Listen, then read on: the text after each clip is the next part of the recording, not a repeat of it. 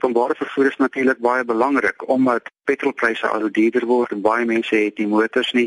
Hulle is afhanklik van taksies alleen, die paaie is gevaarlik en onvoldoende.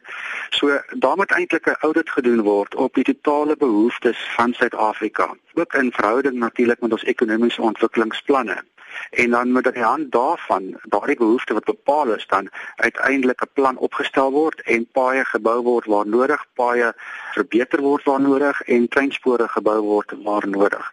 Maar dit gebeur op die oomblik nie. Om 'n voorbeeld te gee, ehm um, Transnet het nou 'n geweldige spoorlyn uitbreidingsprogram geskep. Um, hulle gaan baie nuwe spoorlyne lê, hulle gaan nuwe treine bou en en aankoop en dis meer van bykans 300 miljard rand, soos ons verstaan, tog doen hulle dit sonder dat daar 'n geïntegreerde spoorlyn plan is vir Suid-Afrika.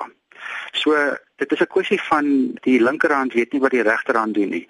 En tog moet ons kan seker maak dat al die netwerke of dit nou paaie is of dit spoorlyne is, selfs die lugrederye en skepe, indien die goed nie met mekaar in 'n positiewe sinergie kan interaksie hê nie, dan gaan daar mos weer tekorte ontstaan iewers langs die lyn af, daar gaan weer probleme kom met met onderhoud natuurlik ook as ons dalk te veel paaie bou of paaie op die verkeerde plek dan gaan daai paaie dit eenvoudig net nie onderhou word nie en dit 'n vermorsing van geld is.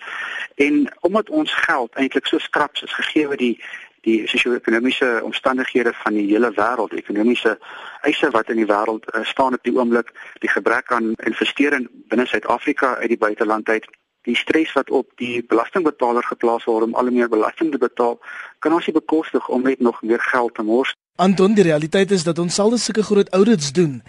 Het jy al hieroor gepraat met die minister van vervoer, Ben Martins? Daar is aanduidings dat hulle wel audits gaan doen, maar die probleem is is dat hulle alreeds sekere projekte geloods het, soos die spoorlynprojek van Transnet, natuurlik die e-tolstelsel in Gauteng en hierdie stelsels is amper in isolasie geloods tot die groter prentjie en die groter behoefte wat daar werklik bestaan. So daar's alreeds geld gemors. Inderdaad, het die departement lyk my nou begin wakker skrik en hulle begin nou aandag daaraan gee, maar hulle beweeg ook verskriklik stadig met hierdie planne. So ons weet nie hoeveel paaie gaan alreeds gebou wees, nuwe projekte aangepak gaan word voordat die planne op die tafel is en werklik uitgevoer kan word. En dan aan die einde van die dag moet ons ook onthou die regering sukkel met die uitvoering van sy eie planne.